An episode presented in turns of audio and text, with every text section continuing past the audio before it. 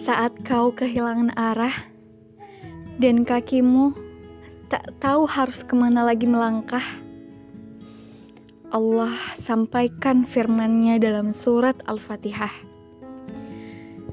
Iyyaka na'budu wa iyyaka nasta'in. Hanya kepada Engkaulah kami menyembah dan hanya kepada Engkaulah kami mohon pertolongan.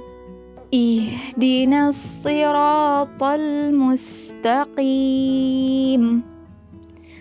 Tunjukilah kami jalan yang lurus. Siratal ladzina an'amta alaihim yaitu jalan orang-orang yang telah engkau beri nikmat kepadanya ghairil maghdubi alaihim waladdallin bukan jalan mereka yang dimurkai dan bukan pula jalan mereka yang sesat.